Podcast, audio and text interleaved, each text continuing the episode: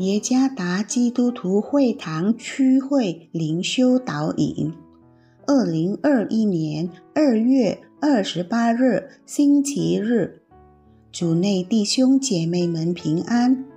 今天的灵修导引，我们要借着圣经创世纪五十章十五到二十一节来思想今天的主题：饶恕就得医治。作者古发起牧师，《创世纪》五十章十五到二十一节。约瑟的哥哥们见父亲死了，就说：“或者约瑟怀恨我们，照着我们从前待他一切的恶，足足地报复我们。”他们就打发人去见约瑟，说。你父亲未死以先吩咐说：“你们要对约瑟这样说：从前你哥哥们恶待你，求你饶恕他们的过犯和罪恶；如今求你饶恕你父亲神之仆人的过犯。”他们对约瑟说这话，约瑟就哭了。他的哥哥们又来俯伏在他面前，说：“我们是你的仆人。”约瑟对他们说：“不要害怕，我岂能代替神呢？从前你们的意思是要害我，但神的意思原是好的，要保全许多人的性命，成就今日的光景。现在你们不要害怕。”我必养活你们和你们的妇人孩子。于是约瑟用亲爱的话安慰他们。据报道，二零零五年一月二十五日，凯特琳·凯蒂·科尔曼失踪了。五天后，她的尸体被发现。法医验尸报告表明。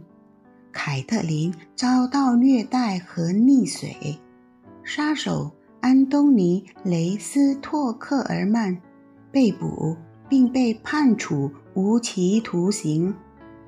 然而，没想到他在监狱里遇到了凯蒂的表弟贾里德·哈里斯。哈里斯因抢劫罪入狱。一天晚上。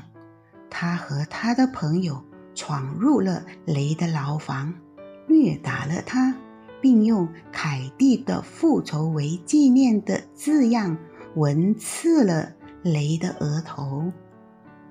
约瑟因为他的兄弟们而遭受了很长时间的痛苦，他们以非常不人道的方式对待他。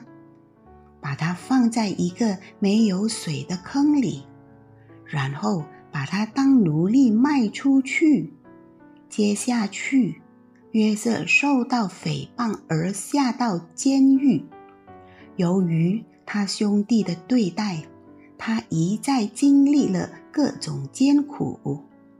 然而，当约瑟成为埃及的掌权者，并遇到了他的兄弟们，约瑟没有报复他们的邪恶行为，他饶恕了他们，这是非凡的作为。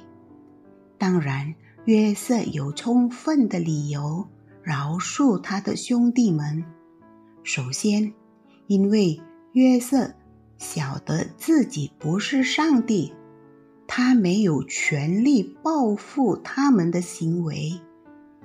第十九节，深渊是上帝的权利，约瑟不要剥夺上帝的权利。其次，约瑟从上帝的角度来看他所受的苦难。第二十节，他知道他生命的艰难途径，就是为拯救一个民族铺平道路。当我们持守上帝话语的这一个原则时，我们就能饶恕他人。我们没有丝毫权利为他人对我们的恶行进行报仇。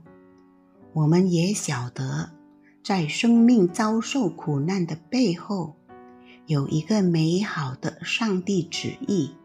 确实，饶恕并非容易的事，特别是当我们受到了如此残酷和暴力的伤害。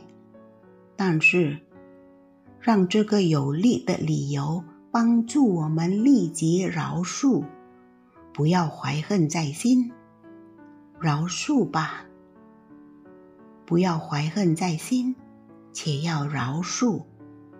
主耶稣赐福。